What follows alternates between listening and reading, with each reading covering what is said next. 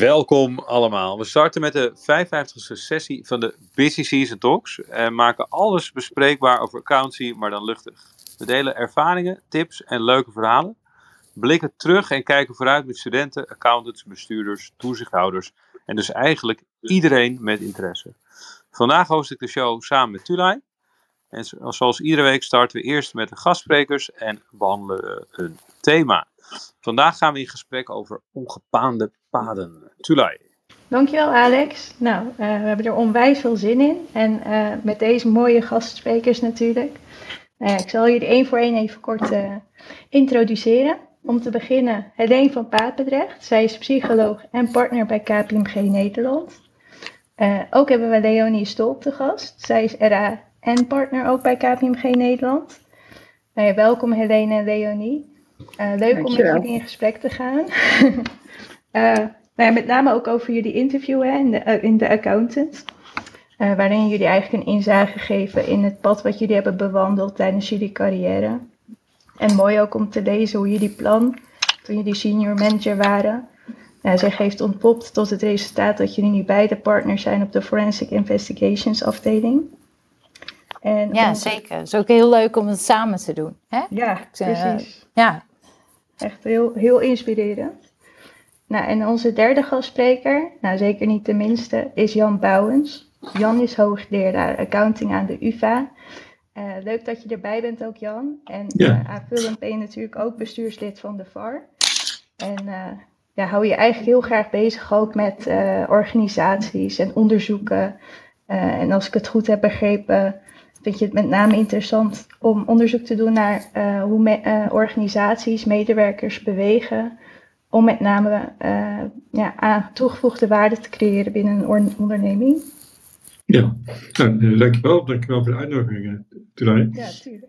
Het is, een, het is een, inderdaad, ik, ik, probeer inderdaad te zien hoe dat zeg maar organisaties ook ervoor zorgen dat mensen nou ja, de beslissingen nemen die, die je wilt dat ze nemen in, in, om de organisatie vooruit te helpen. Ja. En ja, dat is, dat is wat me bezighoudt. En ik doe dat met name de laatste jaren in organisaties. Ja. Ja, ja, nee, super. En daar gaan we straks uitgebreid over in gesprek. we hebben heel veel te bespreken.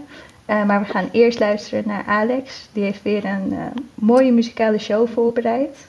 Alex, de floor is yours. Dankjewel. Do do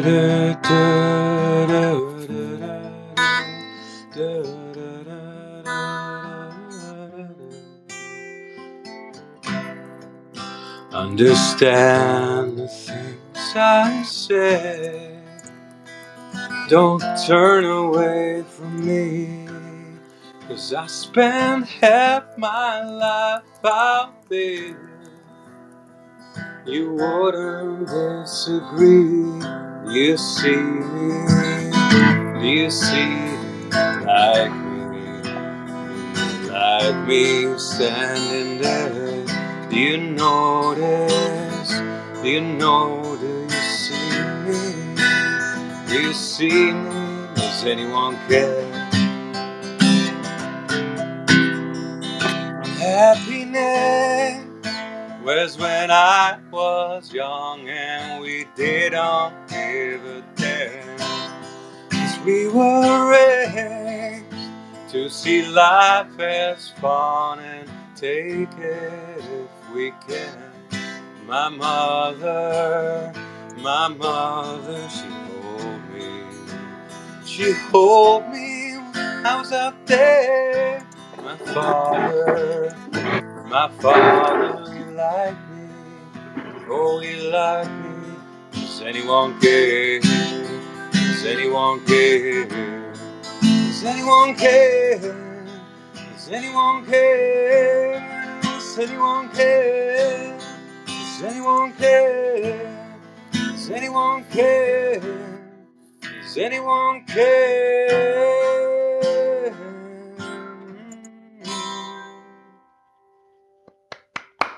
prachtig weer, Alex. Wauw, de cranberries, dat is lang geleden. Ja, dankjewel. Ja, dat is een van mijn uh, favoriete bands. Ehm, en voordat jullie denken, wat heeft dit in hemelsnaam met het uh, thema te maken? Ja. Um, ja, de Ode to My Family van de Cranberries uh, gaat eigenlijk over het belang van je familie, vrienden en omgeving. Die je helpen om überhaupt te kunnen pionieren. Uh, het belang van work-life balance wordt daarmee niet alleen een abstract begrip, maar een manier van leven.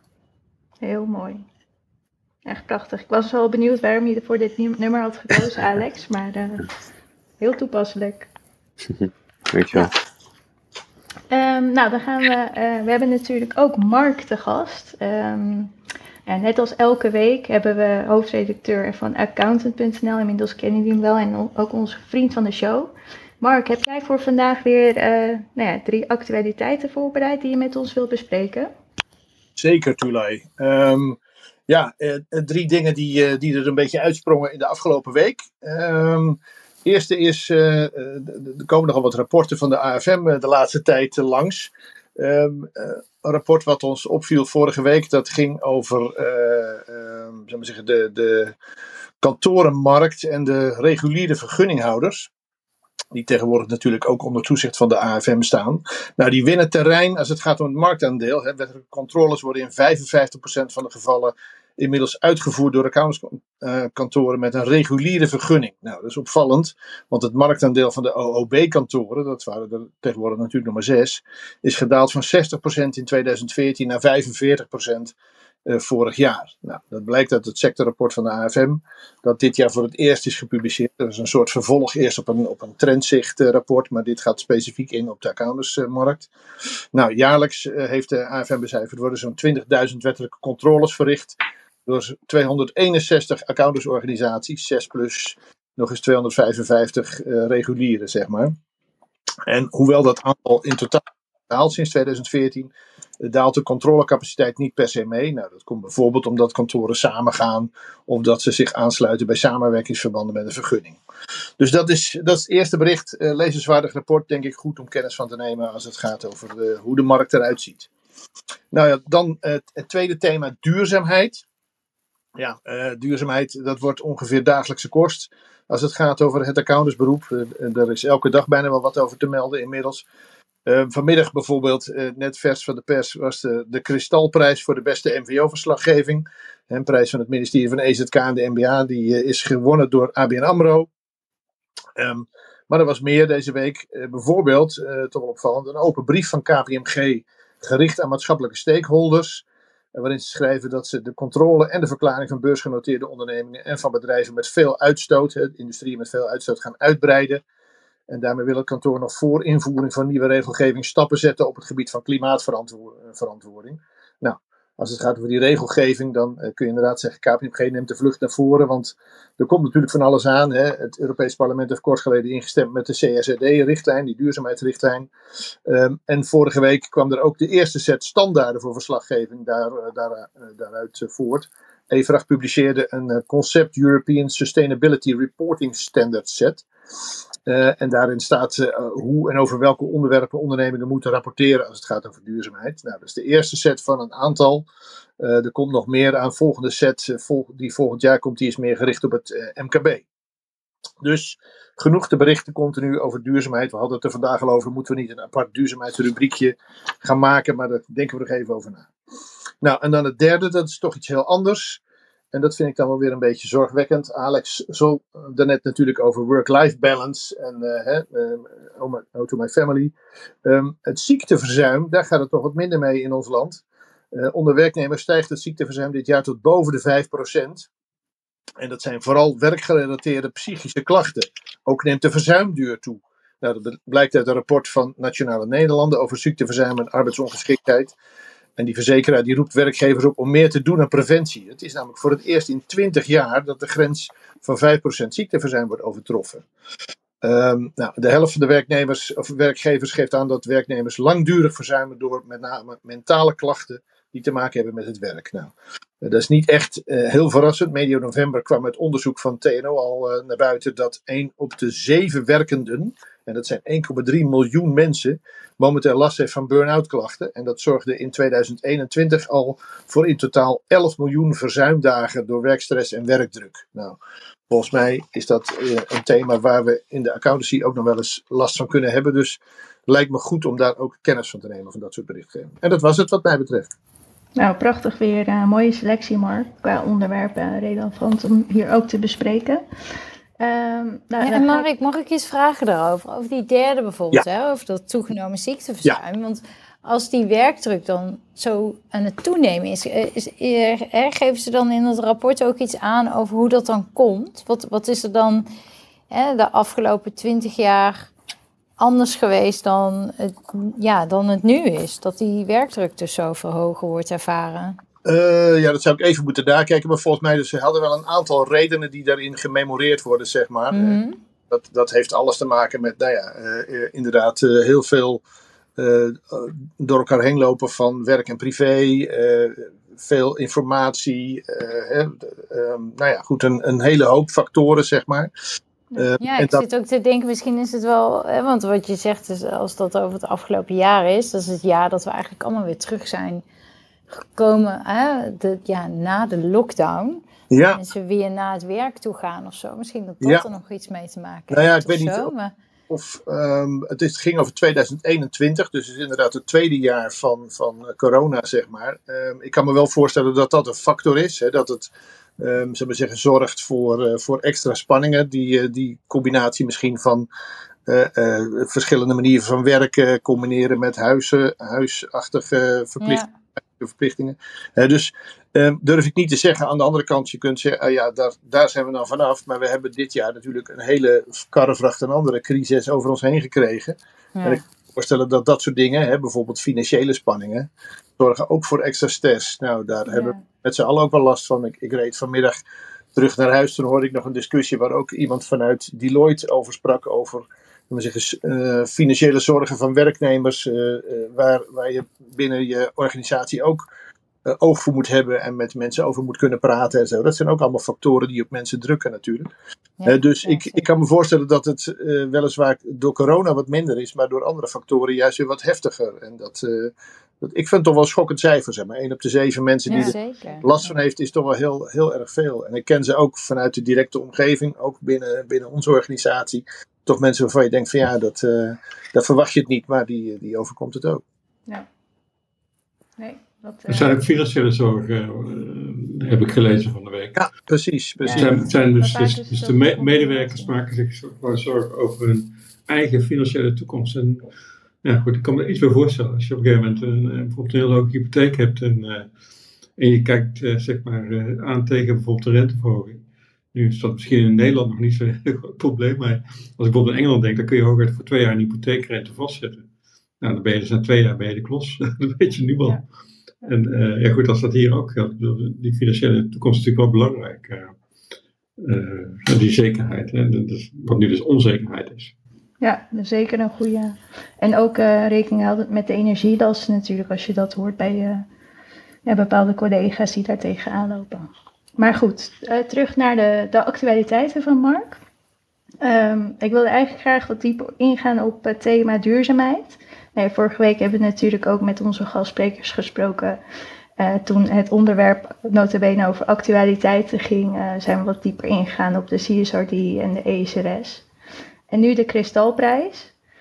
Nou, Jan, ik zat eigenlijk te denken, jij houdt je ook bezig met duurzaamheid. Je hebt ook een magazine geschreven. Nee, vroeger was het MVO-verslag natuurlijk een soort, ja, en een CSR-afdeling een soort nice to have. En we zien ook daadwerkelijk wel een verschuiving naar een must-have. Of, of het nou komt omdat uh, de wereld dat nodig heeft, uh, of stakeholders dat uh, wensen, wat we nu ook zien bij KPMG. Dat is natuurlijk ook een wens van Milieudefensie. Um, wat denk jij van als het, wanneer het gaat over prijsuitreikingen? Is dit een, denk je dat we nog meer prijsuitreikingen gaan krijgen nu er steeds meer uh, bedrijven hierover gaan rapporteren? Of dat het eigenlijk een soort nieuwe norm wordt? Misschien wel leuk om over te. Die rapportering die, die, die is in feite al een, uh, al een norm. Dus, dus zeg maar, uh, die, die, die rapportering die is al van enorm belang. Ja. Wat eigenlijk in mijn ogen nog veel belangrijker wordt, is, is zeg maar het onderliggende plan. Kijk, ik kan wel zeg maar rapporteren dat, dat ik verbeteringen heb op bijvoorbeeld de, de, plastic afval of de uitstoot. Ehm, maar of dat voldoende is, zeg maar, in, in de, in, in, om, om zeg maar, tijdig te voldoen aan de normen waaraan ondernemingen bloot gaan staan, of alle bedrijven, alle, alle, alle, organisaties. Dat is maar de vraag. Dus het belangrijkste wordt eigenlijk, en daar zou eigenlijk een prijs voor moeten worden gegeven, dat je een, een heel duidelijk plan hebt waaruit, uh, waaruit, je, dat je, waaruit je echt kunt opmaken dat het waarschijnlijk is dat dit bedrijf het gaat halen. Want één ding is duidelijk, bedrijven die, die zeg maar gewoon niet investeren in, in zeg maar de transitie, die daarvan weet je zeker dat ze, dat ze ophouden te bestaan. Ja. ja, dus ook vanuit forensic perspectief en fraudeperspectief is het een super interessant onderwerp. Omdat een aantal elementen bij elkaar komen die mhm. fraude mogelijk maken. Je ziet dat de druk vanuit de maatschappij enorm is om iets te communiceren op dit onderwerp. Of in ieder geval te laten zien dat je dat plan hebt en te dat te realiseren. Ehm, dat, dat, dat raakt verschillende elementen. Gewoon de tevredenheid van je medewerkers, maar ook je financiering binnenhalen, de mogelijkheid om je producten te verkopen. Doordat de normen allemaal nog redelijk open zijn, is er ook gelegenheid, zit er nog speling in, wat kan wel, wat kan niet. En ja, dat biedt een opportunity. Uh, en ook het stukje rationalisatie om maar groen te willen zijn en daar zoveel mogelijk in te laten zien. Ja, dat brengt voor de accountants, en dat is ook wat we bij KPMG nu heel veel doen, ja, die drie elementen proberen in kaart te brengen om te kijken waar raakt dat nou de verslaggeving en waar ontstaat nou de druk voor, nou ja, uh, waar mogelijke fraude zou kunnen ontstaan. Uh, ja, daar is dit een echt een heel actueel onderwerp. Ja, mooie toevoeging hoor, Leonie. Daar gaan we straks ook iets verder op in als we ehm, nou met jullie in gesprek gaan over welke werkzaamheden jullie nou precies doen uh, bij het uh, bewandelen van de ongebaande paden. Um, en met jou, uh, Leonie, zou ik graag nog dieper willen of stil willen staan bij het derde artikel, ziekteverzuim. En Helene benoemde het net ook al. Ja, werkgerelateerde en psychische klachten. Laat dat nu net zijn wat wij in onze branche het hardst nodig hebben. En merken jullie dat ook al op de werkvloer, dat dat bijvoorbeeld eh, een groter probleem is door bijvoorbeeld meer uitval? Of misschien is het ook wel iets wat, wat meer speelt in een bepaalde generatie, uh, de jongere of de wat oudere collega's uh, binnen het team? Ja, we zien zeker dat die, dat die werkdruk heel hoog is. Maar ik denk, mag ik vast de link maken naar wat wij eigenlijk in het artikel hebben gedaan. Ik denk dat op het moment dat je overal duizend poten probeert te creëren en iedereen alles moet kunnen, lekt er ook heel veel energie weg. En dat is eigenlijk de kern wat ik en Helene hebben gedaan in de ongebaande paden. Uh, om het werk ook zodanig te verdelen dat mensen bezig zijn met de dingen waar ze energie van krijgen, waardoor je ja, dezelfde werkhoeveelheid kan doen. Uh, ja, zonder dat al die energie weglekt. En ik denk dat we daar echt nog wel een stap met elkaar kunnen maken uh, in hoe we het doen met werkverdeling, uh, om die hele berg weggewerkt te krijgen. Ja, dus eigenlijk uh, ja, de, de, hetgeen waar de energie, waar je het meeste energie van krijgt, dat, dat je daar ook op wordt ingezet. Zodat je het minste energie lekt. Ja, en dat betekent wel dat je je mensen goed moet kennen en ook moet weten waar ze energie van krijgen, wat zoveel energie kost. Uh, en dat kost in het team af en toe ook wat meer tijd om dat met elkaar op te bouwen en, en, en daar ook oor voor te hebben, in plaats van dat je met z'n allen gaat rennen achter of op die rijdende trein springt. Uh, maar uiteindelijk denk ik dat dat veel meer uh, efficiency geeft, dan dat iedereen probeert een duizendpoot te zijn. En ik denk dat dat wel is wat nu toch af en toe gebeurt in uh, de drukte waar we in zitten. Ja, ja, wat we daar toch aan vasthouden. En Helene, jij bent natuurlijk ook psycholoog. Merk je dat je dan binnen je team sneller een soort ja, vertrouwenspersoonachtige positie terechtkomt? Als het gaat ehm, over dit soort dingen? Of? Ja, dat is wel een goede vraag. Kijk, ik probeer altijd wel onderscheid te maken in. Uh, uh, mensen hebben al heel snel de neiging om bij uh, de de titel, of ja, de functie psycholoog uh, te denken aan een klinisch psycholoog. Ja. Um, en dat ben ik niet. Hè. Ik ben forensisch psycholoog. Dus dat betekent dat ik verhoortechniek en onderzoeksmethode heb gestudeerd. Dus ja. dat, dat, is net wel wat anders. Uh, ik moet wel zeggen, ik, ik ben wel altijd dus heel erg geïnteresseerd geweest al in de psyche van de mens. Dus wat beweegt mensen. en daar ben ik ook heel erg nieuwsgierig naar. Dus dat, dat merken mensen denk ik ook wel in een gesprek met mij, dat die nieuwsgierigheid naar, hé, hey, wat beweegt je nou? waarom doe je dingen zoals je ze doet? die leiden er misschien toch ook wel vaker tot dat mensen daar wat opener over zijn. Hè? Ook om dat met mij te delen. Ik vind het wel... Heel handig in onderzoeken, kan ik jullie vertellen. Jazeker, in onderzoek is heel handig. Uh, maar ik wil me ook niet pretenderen dat ik dan meteen een soort vertrouwenspersoon ben. En daarbij heb ik ook wel, uh, als ik eerlijk ben, ook wel een beetje vers ja, verschuiving gemerkt. In door, je, door door te groeien naar partner, dat mensen daar toch een bepaald ja, een bepaald gewicht aan hangen aan zo'n titel die, die ik er zelf helemaal niet aan wil hangen. Uh, maar dat dat er onbewust misschien toch gebeurt bij mensen. Dus dat ze dan, uh, nou ja, dat, dat uh, toen ik een junior was of zo, hè, dat mensen dat toch, toch makkelijker met mij dingen bespraken die hun in de weg zaten. En dat je dan toch al snel het gevoel krijgt van hé. Hey, ik ben partner, maar ik vind het nog steeds heel belangrijk om te weten dat het wel goed met je gaat. Um, dus daarom was ik ook net zo getriggerd door dat artikel, hè, dat Mark dat zo aanhaalt. Um, en dan gecombineerd met wat Leonie net zegt, is dat wel iets wat me opvalt. Dat mensen uh, het soms ook echt wel moeilijk vinden om te uh, benoemen dat ze iets misschien toch wel pittig vinden of niet zo heel, uh, ja, of dat het heel veel moeite kost. Dat ze dus bepaalde taken inderdaad uh, ervaren als die moet ik er ook bij doen. Um, terwijl het soms heel uh, handig kan zijn of heel erg een opluchting kan zijn als je met elkaar uitspreekt van hé, hey, ik vind dat heel interessant, geeft mij energie. En dan te horen van de ander dat hij zegt: Oh, wat fijn dat jij dat wel leuk vindt om te doen, want ik vind het niet zo interessant en het kost mij heel veel energie.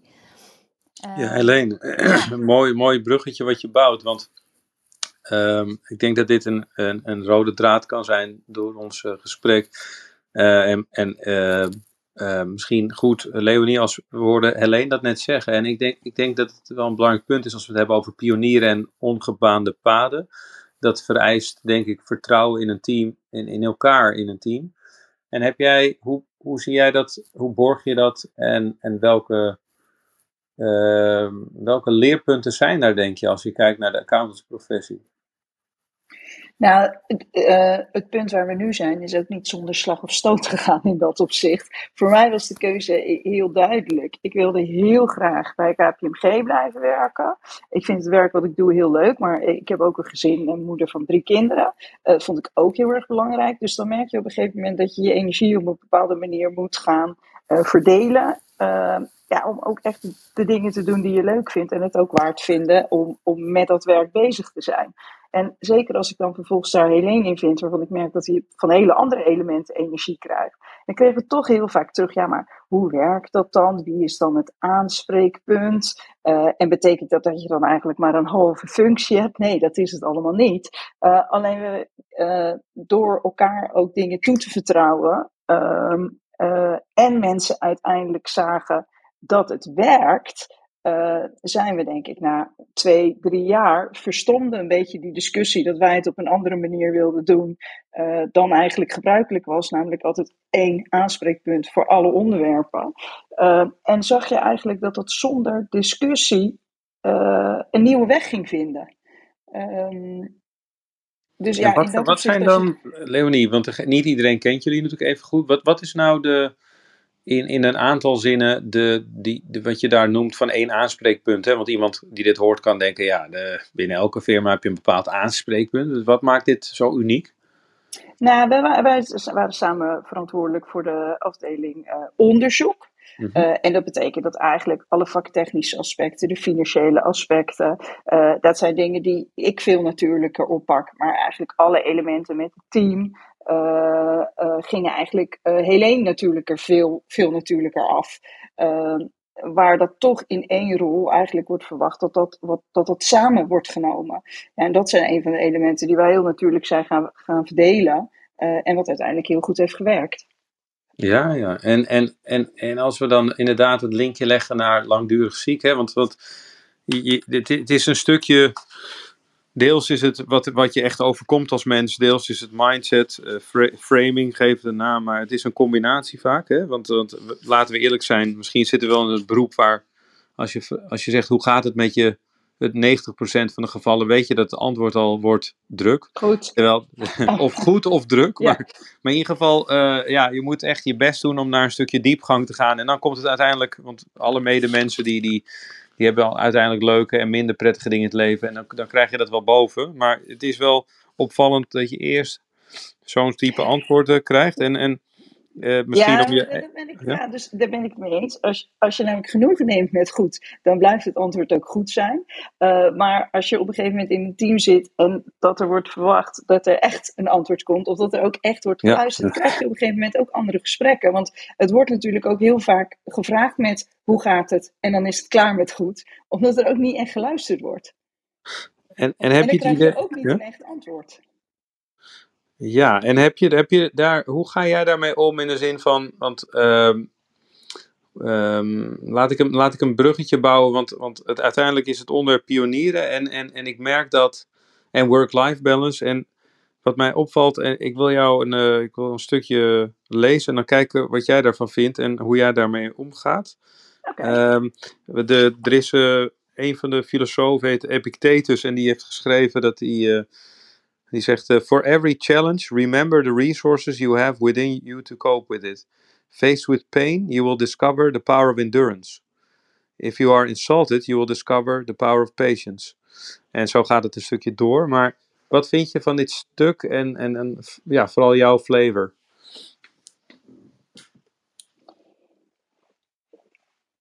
Uh, ja, er zit natuurlijk altijd wel een kern van waarheid in, maar ik denk dat we wel moeten zorgen dat if you endure pain, uh, dat kan uh, je een leerpunt geven in een, uh, als het een korte periode van pijn is. ja, ja, maar dat je met elkaar ervoor moet zorgen dat het niet aan één stuk door, want dan leidt het tot overbelasting. En kijk, je moet binnen ons team, we zijn ook niet, kijk, bedoel, we moeten ook dingen doen die we af en toe minder leuk vinden of die erbij horen.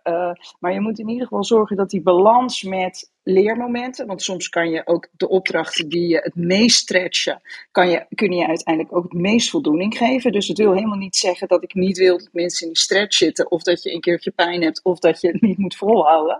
Uh, dat moet er allemaal wel in zitten. Maar het moet allemaal in die balans blijven dat mensen uiteindelijk zeggen: Wow, als ik terugkijk, ja, dat was gaaf. Of nou, heb ik toch dit of dit eruit gehaald, of dit doe ik de volgende keer anders.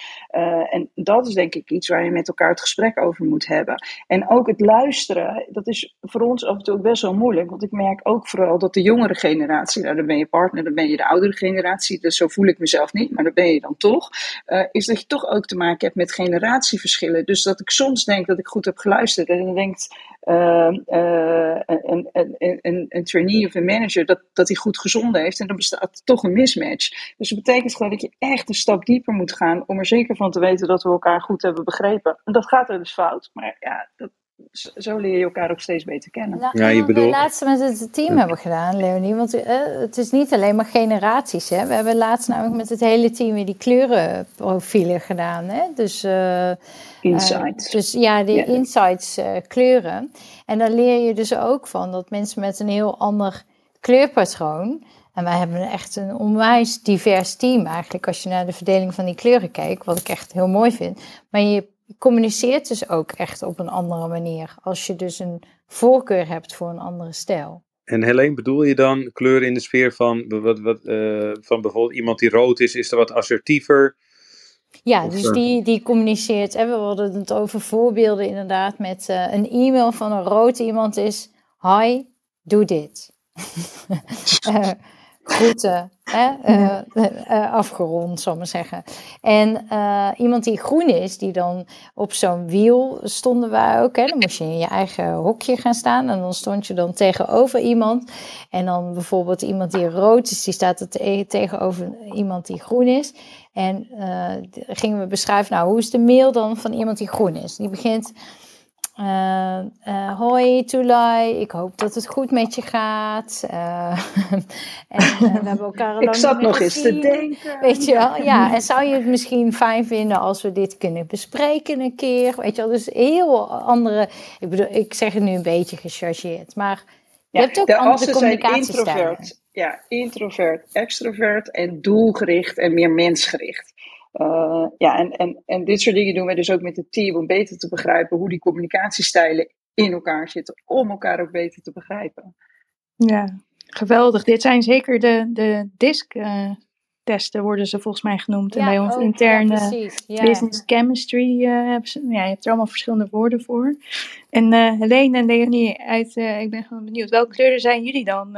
Helene, wij hebben het er natuurlijk kort over gehad, maar en nog niet uh, zo in deze context besproken. Ja, dus ik ben heel rood, dus dat is heel direct. Dus uh, in de categorie extrovert doelgericht. Uh, ja. Maar ik ben ook nog heel geel. Dus ze zijn, die, die combinatie kan je dus nog wel onder het mom van gezellig pikken veel van mensen je direct. Uit. Eigenlijk oranje. ja, ja, eigenlijk wel. Ja, en ik ben uh, Radiant Yellow, zoals ze dat noemen. De trainster zei ook dat ze nog nooit iemand uh, eh, 100% had zien scoren op geel. Maar ja, dat blijkt dus wel te bestaan. Dat ben ik. ja, het is extrovert mensgericht eigenlijk. Ja, ja. Nou, geweldig. Ja. En ik had eigenlijk geen blauw. Dus dat is ook wel, ja, dat is natuurlijk... Dus daarvoor heb je in het uh, diversity... ja. En binnen het diverse team heb je dan uh, nou ja, genoeg afwisseling daarin om elkaar juist goed aan te vullen. Nou, dan uh, nou ben ik eigenlijk heel erg benieuwd, uh, Jan. Um, nou ja, wij accountants zijn natuurlijk over het algemeen niet zozeer heel erg nou ja, gericht op entrepreneurship.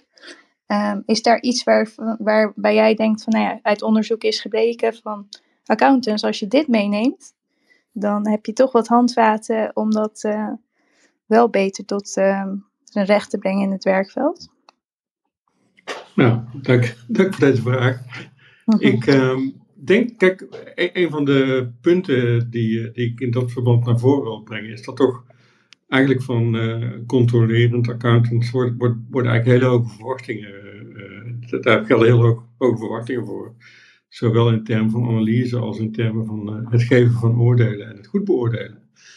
Uh, dus dan, uh, ja goed, in, in, theorie spreken we dan van een hele hoge span of accountability. Dus hij, is verantwoordelijk voor best een grote, uh, grote brede hoeveelheid werk eigenlijk.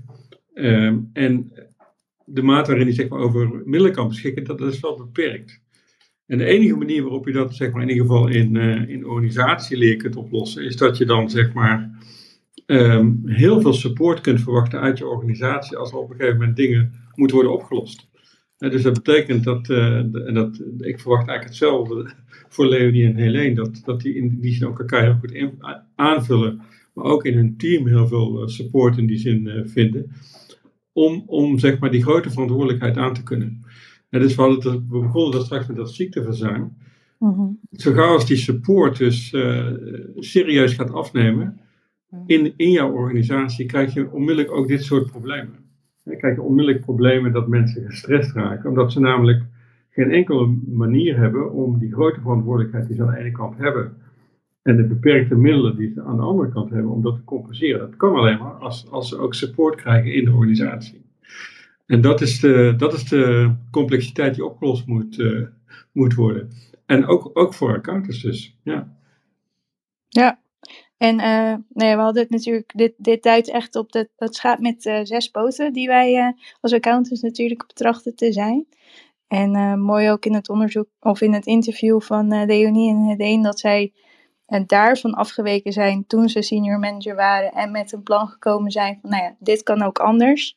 Hè, als werkende moeder kunnen wij dit ook samen doen. En we delen daarbij de verantwoordelijkheid in de zin van dat ze bijvoorbeeld samen beoordeeld worden.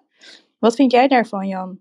Is, dat, is, is, is dit echt iets nieuws? Of ehm, is er misschien iets van onderzoek geweest waarbij we deze weg in kunnen slaan en waarbij het beroep ook een stuk aantrekkelijker wordt, juist voor die grote groep die uitstroomt op het moment dat ze manager, senior manager zijn en uh, onze werkzaamheden combineren met het ouderschap? Ja, dank je. We zijn natuurlijk gewend aan, aan zeg maar, het beginsel van eenheid van leiding. omdat, dat, omdat dat mensen duidelijkheid geeft.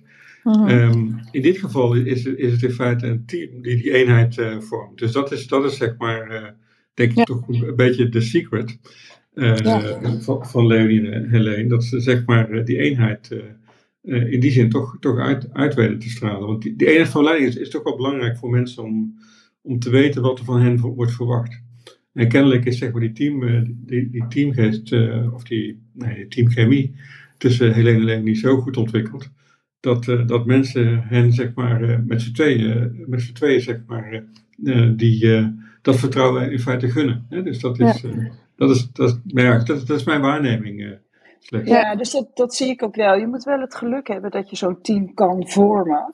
Uh, en je moet het aan de andere kant ook durven. Want dat betekent ook dat je bepaalde dingen uit handen moet geven. Uh, dus, dus het is niet zo dat je ja, altijd het geluk hebt dat je dit neer kan zetten. Uh, of de mogelijkheid om het neer te zetten. of het durft neer te zetten. Maar als het kan, ja, zitten er ook heel veel voordelen aan. En wat ons toen we dat interview hebben gedaan, dat ging eigenlijk meer een interview van nou, twee dames die in de lead zijn van een afdeling. Nou, dat is zo'n mooi onderwerp. Dus zeg dan eens hoe jullie samenwerken. Dat was eigenlijk gewoon ons verhaal, hoe we het deden. En het heeft ons daarna enorm verrast hoeveel uh, positieve feedback we kregen op dat artikel. Voor iets wat voor ons eigenlijk nou, heel gebruikelijk is, want zo is het gegroeid. Uh, maar dat toch mensen zeiden, nou, dit is uh, toch wel anders dan dat wij vaak zien. Of nou, het lijkt me ook heel fijn om op die manier samen te werken. Ja, dat heeft ons eigenlijk heel erg positief verrast. En ook echt heel leuk om al die reacties te krijgen over iets wat dan voor ons zo normaal is. Ja, dat, is altijd, dat zijn de mooiste dingen hè, in het leven. Als je, als je iets doet wat jij onnormaal vindt. en en, en, en de, die eenheid, hè, die, Jan noemt dat niet voor niks. Jullie hebben dus een, een, een eenheid laten zien. Uh, ik, ik werd net wel getriggerd door die opmerking van Jan tussendoor van bij het wegvallen van support. Hè, ik hoop dat ik dat goed heb uh, gehoord. Maar dat, dat dat dan onder andere een enorme bij, bij, negatieve bijdrage kan leveren aan uh, ziekteverzuim en, en gezondheid. En dus eigenlijk een soort stress veroorzaakt. Jan, klopt dat? Heb ik dat goed gehoord? Je zegt het ja. wegvallen van support. En... Dat klopt, hè? Dus, dus, dus, het punt is dat zeg maar, datgene waarvoor je verantwoordelijk wordt gehouden, dat, dat verandert niet. Dat blijft hetzelfde. Je toegang tot resources blijft hetzelfde. Maar je, je en als er een support wegvalt, ja, dat kan dan eigenlijk niet. Maar bedoel je met support dan rugdekking als iets fout gaat of het stelsel? Wat bedoel je met nee, support? Nee, dat is dat, dat, dat je mensen hebt uh, die, uh, die jou steunen als het nodig is. Dus op het moment dat er op een gegeven moment een beslissing moet worden genomen die moeilijk is, uh, die, waar ook Helene en, en Leonie op, op een gegeven moment niet helemaal alleen uit kunnen komen, dat je dan zeg maar mensen hebt die jou helpen. Ja, dat, dat is ah, echt heel belangrijk. Ja. En, en als dat wegvalt, maar je houdt wel dezelfde verantwoordelijkheden, dan, gaat het, ja, dan krijg je dus echt enorme stress. Ja, ja, ja, ja, ja. ja. Ik, ik zie dat Benjamin van der Kwaak zegt uh, dat, uh, dat, dat, uh, dat het heel belangrijk is om te investeren in teamspirit, om, omdat anders het team uit elkaar gaat vallen. Dus, dus dat Tulay weer back to you, maar dank Jan voor ja. Ja, ik geloof ook echt in die teamspirit om daarop aan te haken. Want echt, mm -hmm. zijwerkzaamheden kunnen met goede teamspirit echt nog heel leuk zijn. Ja. Nee, en uh, Jan, uh, je triggerde mij ook nog even toen uh, Alex doorvroeg. Bedoel je dan ook ehm, bijvoorbeeld sleutelfiguren? Want daar was ik ook wel benieuwd naar. Of Leonie en Helene, ja, jullie hebben natuurlijk lopen pionieren. Um, maar hoe zijn die omgegaan in tijden dat het wat minder ging? Of dat jullie twijfelden. En jullie hadden ook een mooie quote staan van... Nou ja, als je, dat je um, niet te snel moet opgeven als je afwijkt van de gebaande paden. Dus ik was ook wel heel erg benieuwd naar... Ja, wat gebeurt er dan als je twijfelt? Zijn er momenten geweest waarbij je ja, op het randje stond van opgeven? Of hoe, hoe zijn die daar doorheen geslagen? Ja, ja. Oké, okay, ja. ja. Um, uh, nou, wat ik, uh, ja, ja, het is natuurlijk meteen een gewetensvraag. Hè? Dit uh, heb je wel eens op het punt gestaan om op te geven. Ja, zeker. Ik heb ook wel eens getwijfeld hè, van wat doet zo'n rare eend tussen de accountants. Hè? Dus als psycholoog tussen de accountants. Um, hoor ik hier wel, hoor ik er wel bij. En ehm, dat, is, dat is wel echt heel belangrijk. Dat mensen um, nou, daarvoor openstaan als je dus zelf kwetsbaar durft op te stellen. Hè? Dus ik heb bijvoorbeeld uitgesproken naar Leonie toe. Uh, op een gegeven moment van hé, hey, ik twijfel en ik, ik weet niet of ik hier wel bij hoor. En Leonie's reactie daarop was juist mij laten weten wat zij dus een toegevoegde waarde in mij zag. Dingen die, hè, wat Alex net ook zei, weet je, als je doet wat je altijd doet en mensen vinden dat ineens ja, blijkbaar uh, bijzonder. Dat is echt heel gek om dat van jezelf te zien. Hè? Dat is, want ja, dat neem je maar gewoon als een gegeven aan. En um, dat Leonie mij vertelde van, hé, hey, nee, maar juist, jij vult mij aan in de onderzoeken, hè, door de manier waarop je interviewt. En dat is uh, waardevol, hoe jij dat neerzet. Ik richt me bijvoorbeeld meer op ongewenste omgangsvormen onderzoek. Um, nou heeft Leonie daar ook wel eens uh, mij weer in gesupport hè, tijdens zo'n onderzoek. En dan ziet ze ook weer van, oh ja, dat is ook wel even weer iets heel anders hè, om, uh, om dat op te zetten. Um, dus, wat, ja, wat, wat, mij opvalt, Helene en, en ja. Leonie en Jan, er is, een, een er is iets wat jullie alle drie eigenlijk ook tussen, tussen de regels door lijken te zeggen. En dat is, dat, daar zit ik al langer over na te denken, maar het lijkt er soms op, en ik weet niet of het iets corporates is of in accounting specifiek uh, is, maar dat, we, dat je soms een probleem voor je hebt, hè, of een challenge, een uitdaging. En dat dan de meest complexe wegen, hoe komen we hieruit, wat gaan we doen? En dat, dat je echt denkt van nou, dat is, ik noem het even soms over-engineeren. En dat ik hoor jullie roepen, support, support niet wegvallen, steun zoeken, elkaar vinden. En het zijn dan Hè, iemand die dit hoort kan denken, dit zijn toch de meest basale dingen. Hè? Ik bedoel, geen rocket science. En laat dat nou waarschijnlijk net, als ik het goed beluister, de crux zijn van wat, wat, waarvan wij denken, ja, dat zijn toch de essentials. En, en hoe, hoe komt het dan toch dat we in de accountancy en daarbuiten mogelijk misschien de, de uh, oplossingen die al bestaan, misschien wel duizenden jaren, toch, toch zo over lijken te engineeren? Of zeg ik er iets geks? Nee, want ik, ik herken het heel erg terug soms in, in, in gesprekken met mensen die uit dienst gaan. Die dan zeggen, ja, maar ik heb het gevoel met een volgende stap of dit. En dan wordt dit en dit en dit van me verwacht. En dit en dit kan ik niet en dat is te veel. En, en daarom gaan we dan nu vast wat anders doen. En dat ik echt denk, hè, maar ik ben hartstikke tevreden over wat je, wat je nu doet. Mhm. En dat wat je nu allemaal jezelf oplegt. Ja, ik weet niet, maar dat heb ik volgens mij nooit gecommuniceerd. Uh, dus ook, mensen kunnen ook in hun eigen hoofd soms verantwoordelijkheden groter voelen dan dat ze daadwerkelijk zijn.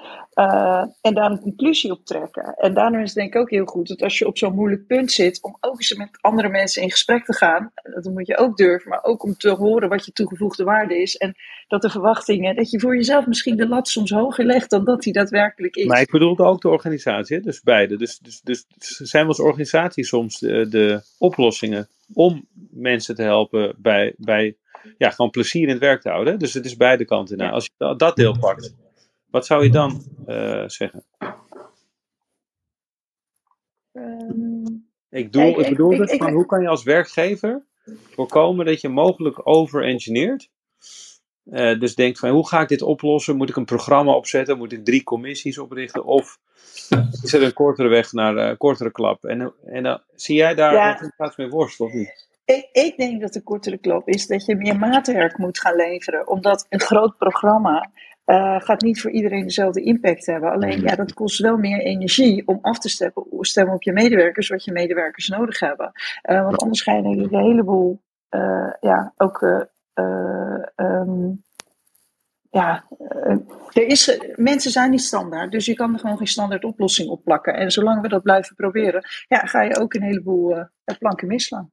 Nou, ik denk dat, dat, dat je iets heel belangrijks zegt. Hè? Jan wil gelijk reageren. Dat is de, de, de one size fits all die soms door, uh, doorslaat, waardoor mensen zich niet gehoord voelen misschien. Misschien als ik het zo moet samenvat. Jan, jij wilde gelijk reageren. Hè? Dat gaan we. Ja, kijk, dankjewel. Ik, ik denk dat een van de aspecten die hier een rol speelt, is ook zeg maar een, uh, iemand uh, zeg maar in een, in een leiding, leiderschapspositie brengen, die ook echt een leider is en niet zeg maar iemand die Ehm, die zeg maar oplegt hoe dingen moeten. Dus, dus goed leiderschap houdt in dat je zeg maar zoveel mogelijk mensen een kans geeft om zijn, hun, hun bijdrage te leveren. En kijk, als jij, als een leider benoemt die, die echt leiding geeft in termen van ik zeg hoe het moet, ehm, dat is problematisch. Want, want dan denken de mensen die eronder werken van nou, ik wacht gewoon tot hij zegt wat ik moet doen.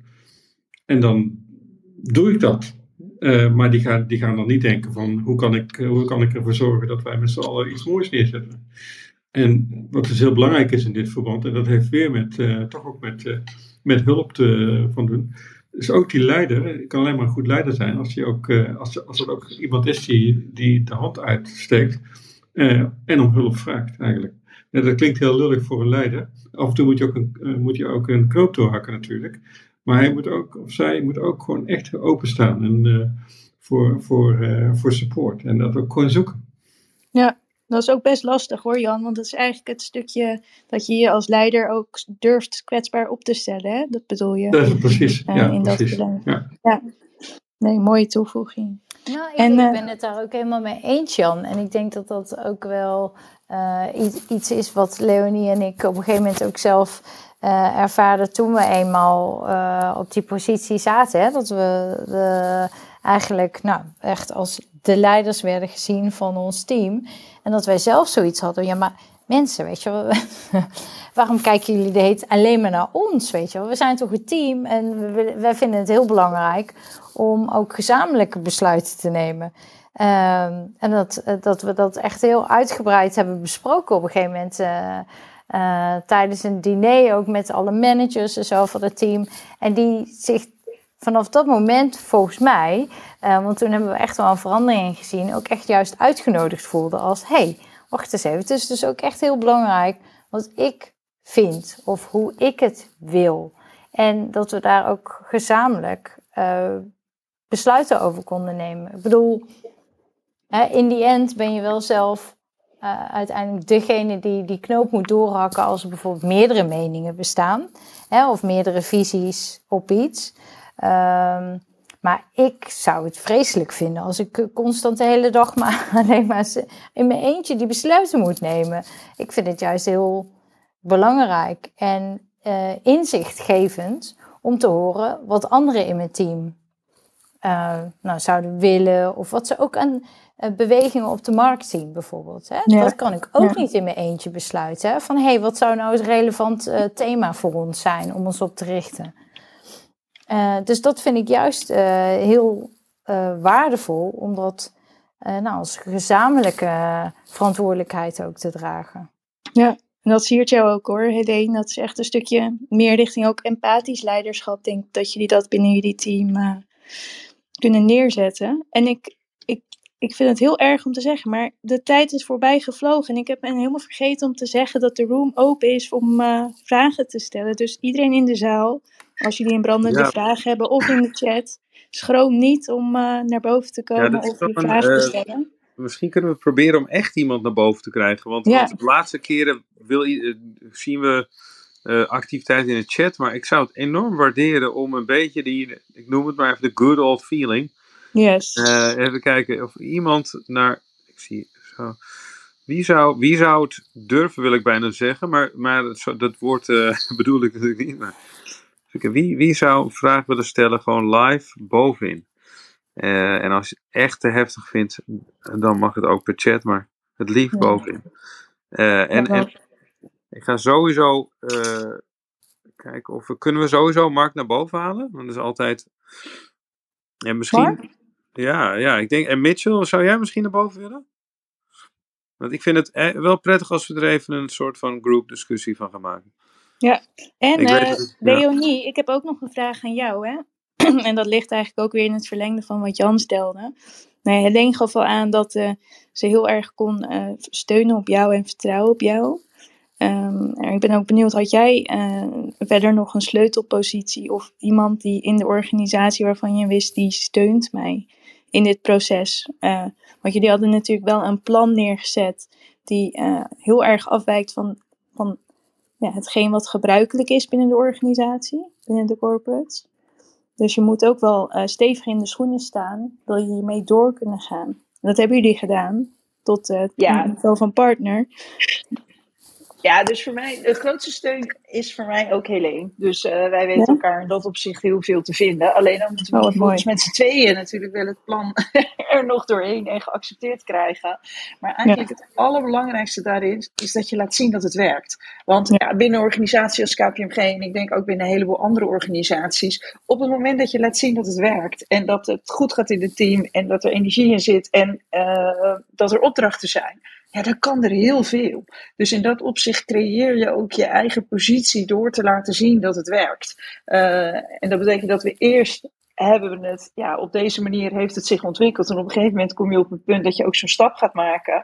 Ja, en dan gaan mensen ook wat meer kijken van, nou, wat is dit dan? En hoe werkt het dan? En dit is wel anders en kan dat dan wel? Uh, en toen hebben we op een gegeven moment ook uitgesproken, ja, wij willen echt uh, een team target. En niet een individueel target. Want ja, wij kijken ook gewoon af en toe wat het best bij iemand past qua opdracht. Of het beter bij Helene of bij mij past. En ja, dat maakt het gewoon makkelijker ook om dat naar elkaar, uh, aan elkaar te geven. Als we ook gewoon als team worden beoordeeld. En daar is uh, uh, onze, ons deel van advisory, waar we binnen in zitten, is daar wel in meegegaan. Alleen als je het niet vraagt, gebeurt het niet. Dus een, ik denk dat jullie ook een belichaming zijn daarvan. Want in deze call al zitten jullie. Ja, het, het, is, het voelt echt als een duo. Hè? Ik bedoel, het is niet dat het een beetje, on, een beetje ongemakkelijk dat je denkt van, wat ga ik nu zeggen of zo. Jullie zijn met, met z'n tweeën best wel uh, als een duo aan het praten. En dat bedoel ik als compliment. Ja, um, nou. en, en, en, ik, denk, ik denk met die team KPI's, je ziet langzaam organisaties daar meer mee, mee werken. Maar in een partnermodel zie je toch dat dat nog ja, dat, dat, dat, dat, dat mag nog wel wat meer worden. Hè? Dat je echt als team, uh, dus de, mm. niet de eigen winkel, niet de eigen portefeuille. Ik denk dat, dat daar wel verschillen in zijn. Hè? De, sommige organisaties zijn er al veel verder in. Um, maar team KPI's is niet iets waar veel over wordt geschreven. In ieder geval in, uh, niet wekelijks op account.nl. Hè Mark? Ik denk dat, dat, dat jij niet... Maar, maar nee. jij wordt... Mooie suggestie. Ja, maar er zit ook wel een risico in. Dat we, soms moeten we ook wel eens uitleggen dat we niet samen één FTE invullen.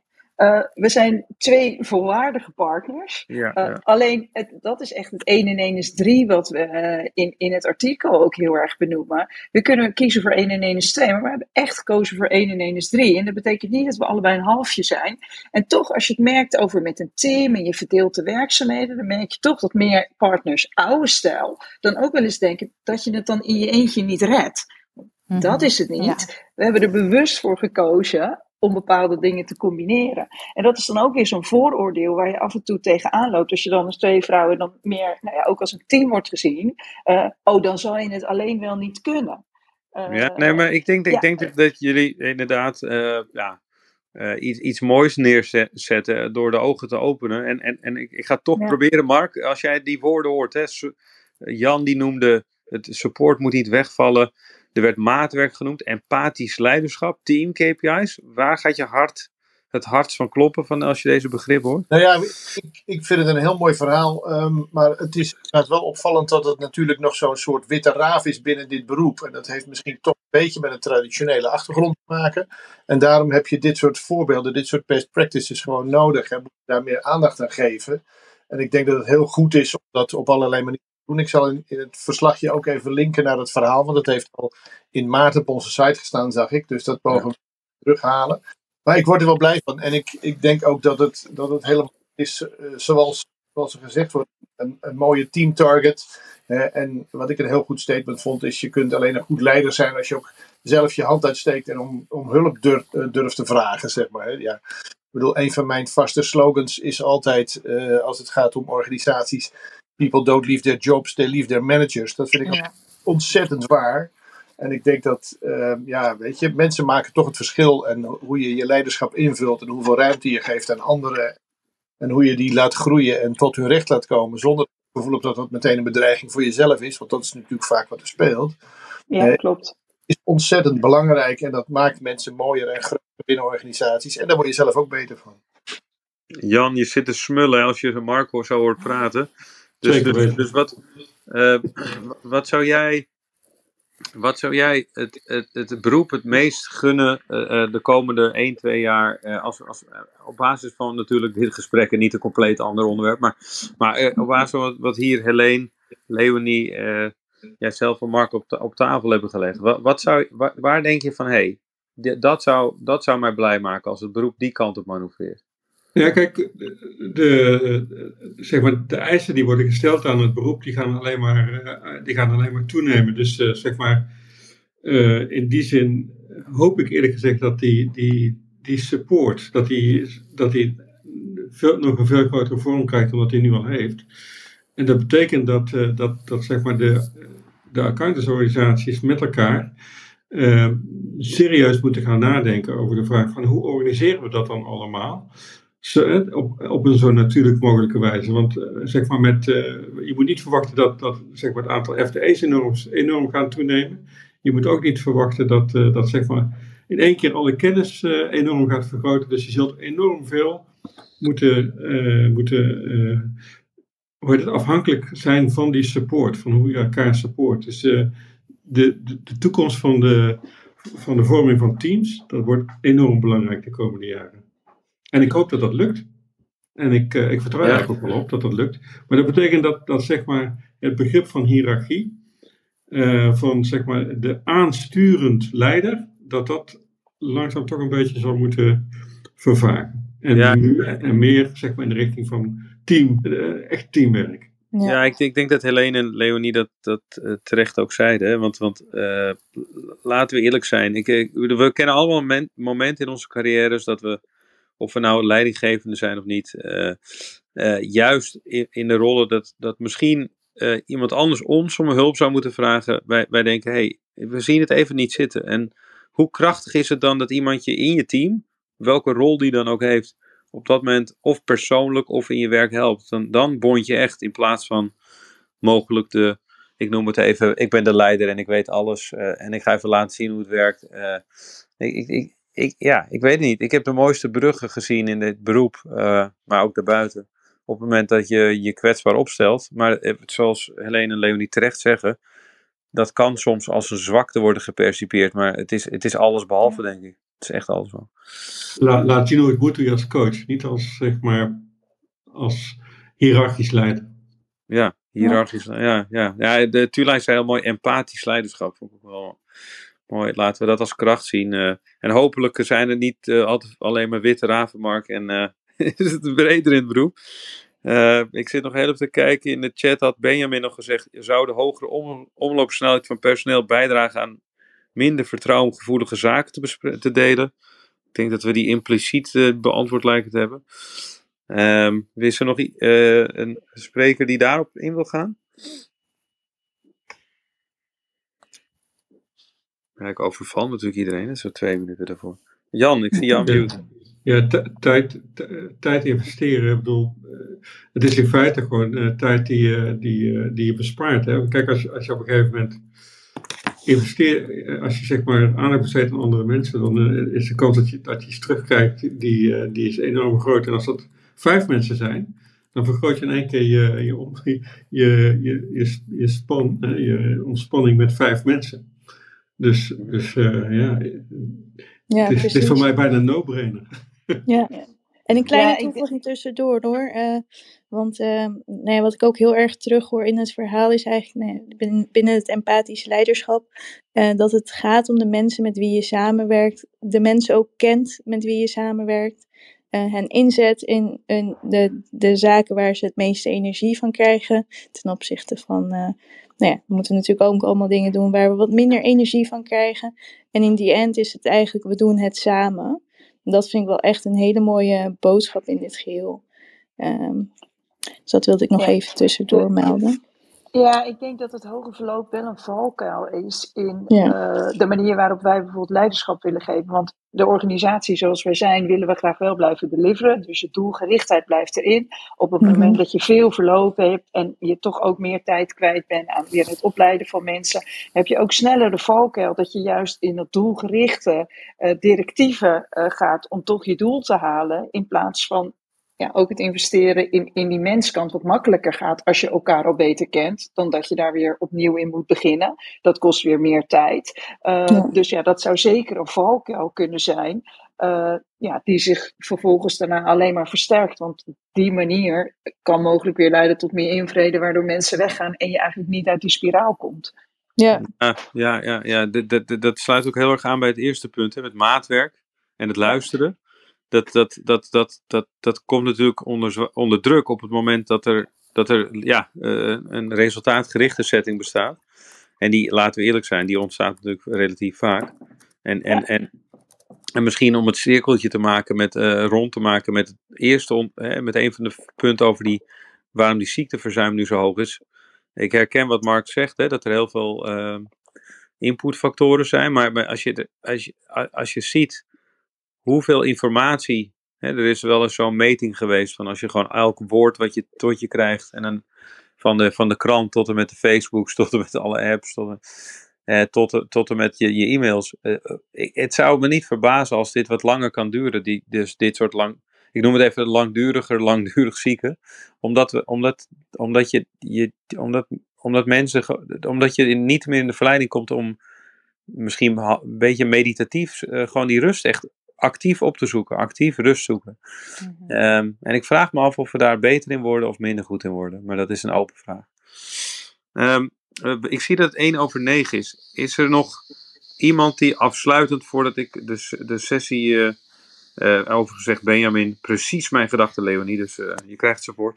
Uh, is er nog een spreker die zegt van nou, ik, wil, ik wil echt nog, er is nog something I need to say voordat we deze sessie afsluiten? Ja, dat is natuurlijk bijna bijna. Uh, ik vond dat je hem al heel mooi afsloot eigenlijk. Uh, ja? Nee, serieus. Je had al mooie closing words. Uh... Ja. ja. Nou, dan, dan, ja, dan ben ik wel wat slecht in dat ik dat niet, nee, zelf niet aanvoel. Wat je zegt inderdaad van kunnen we nog echt terug naar de rust of schieten we op Instagram en zien we dat andermans leven ja, ja. vol geluk is en worry-free. En ik zit hier met mijn stress en mijn werkdruk en ja ja, geluk is maakbaar, hè, zeggen we eigenlijk uh, impliciet allemaal tegen elkaar. Dus als je niet gelukkig prachtig. bent, is dat je eigen schuld. Uh, maar, ja, dat levert ja. pas veel stress op. Dat, maar goed, hè, dus als we nog even teruggaan naar de organisaties, dan rust daar toch wel een enorme verantwoordelijkheid op om te blijven nadenken over hoe je zeg maar, een organisatie in stand houdt waar men elkaar echt wil helpen. Want dat, gaat, dus, dat gaat echt het verschil maken. Ja. Nou, ik, ik, ik moet heel eerlijk zeggen, ook die, die, die, die opmerkingen net die werden gemaakt, uh, daar word ik blij van. Daarom zitten we vanavond met elkaar in dit gesprek. Uh, en en uh, ik, ik, ik denk dat dit een bijzonder gezelschap is, zo Jan, Leonie, alleen, Mark. en dan mag ik dit, mocht ik dit samen met Tulay hosten. Um, um, dank, dat, dat, I mean that. Dankjewel. Ja. En, Jullie ook bedankt voor dit ja. fijne gesprek. Ja. Dankjewel. We gaan elkaar nog op gebaande en ongebaande paden tegenkomen. ja. uh, in ieder geval voor, voor nu een hele, hele fijne, fijn vervolg van de avond en uh, wel te rusten alvast, uh, lieve, lieve medemensen. Dank jullie wel en wel te rusten. Volgende keer.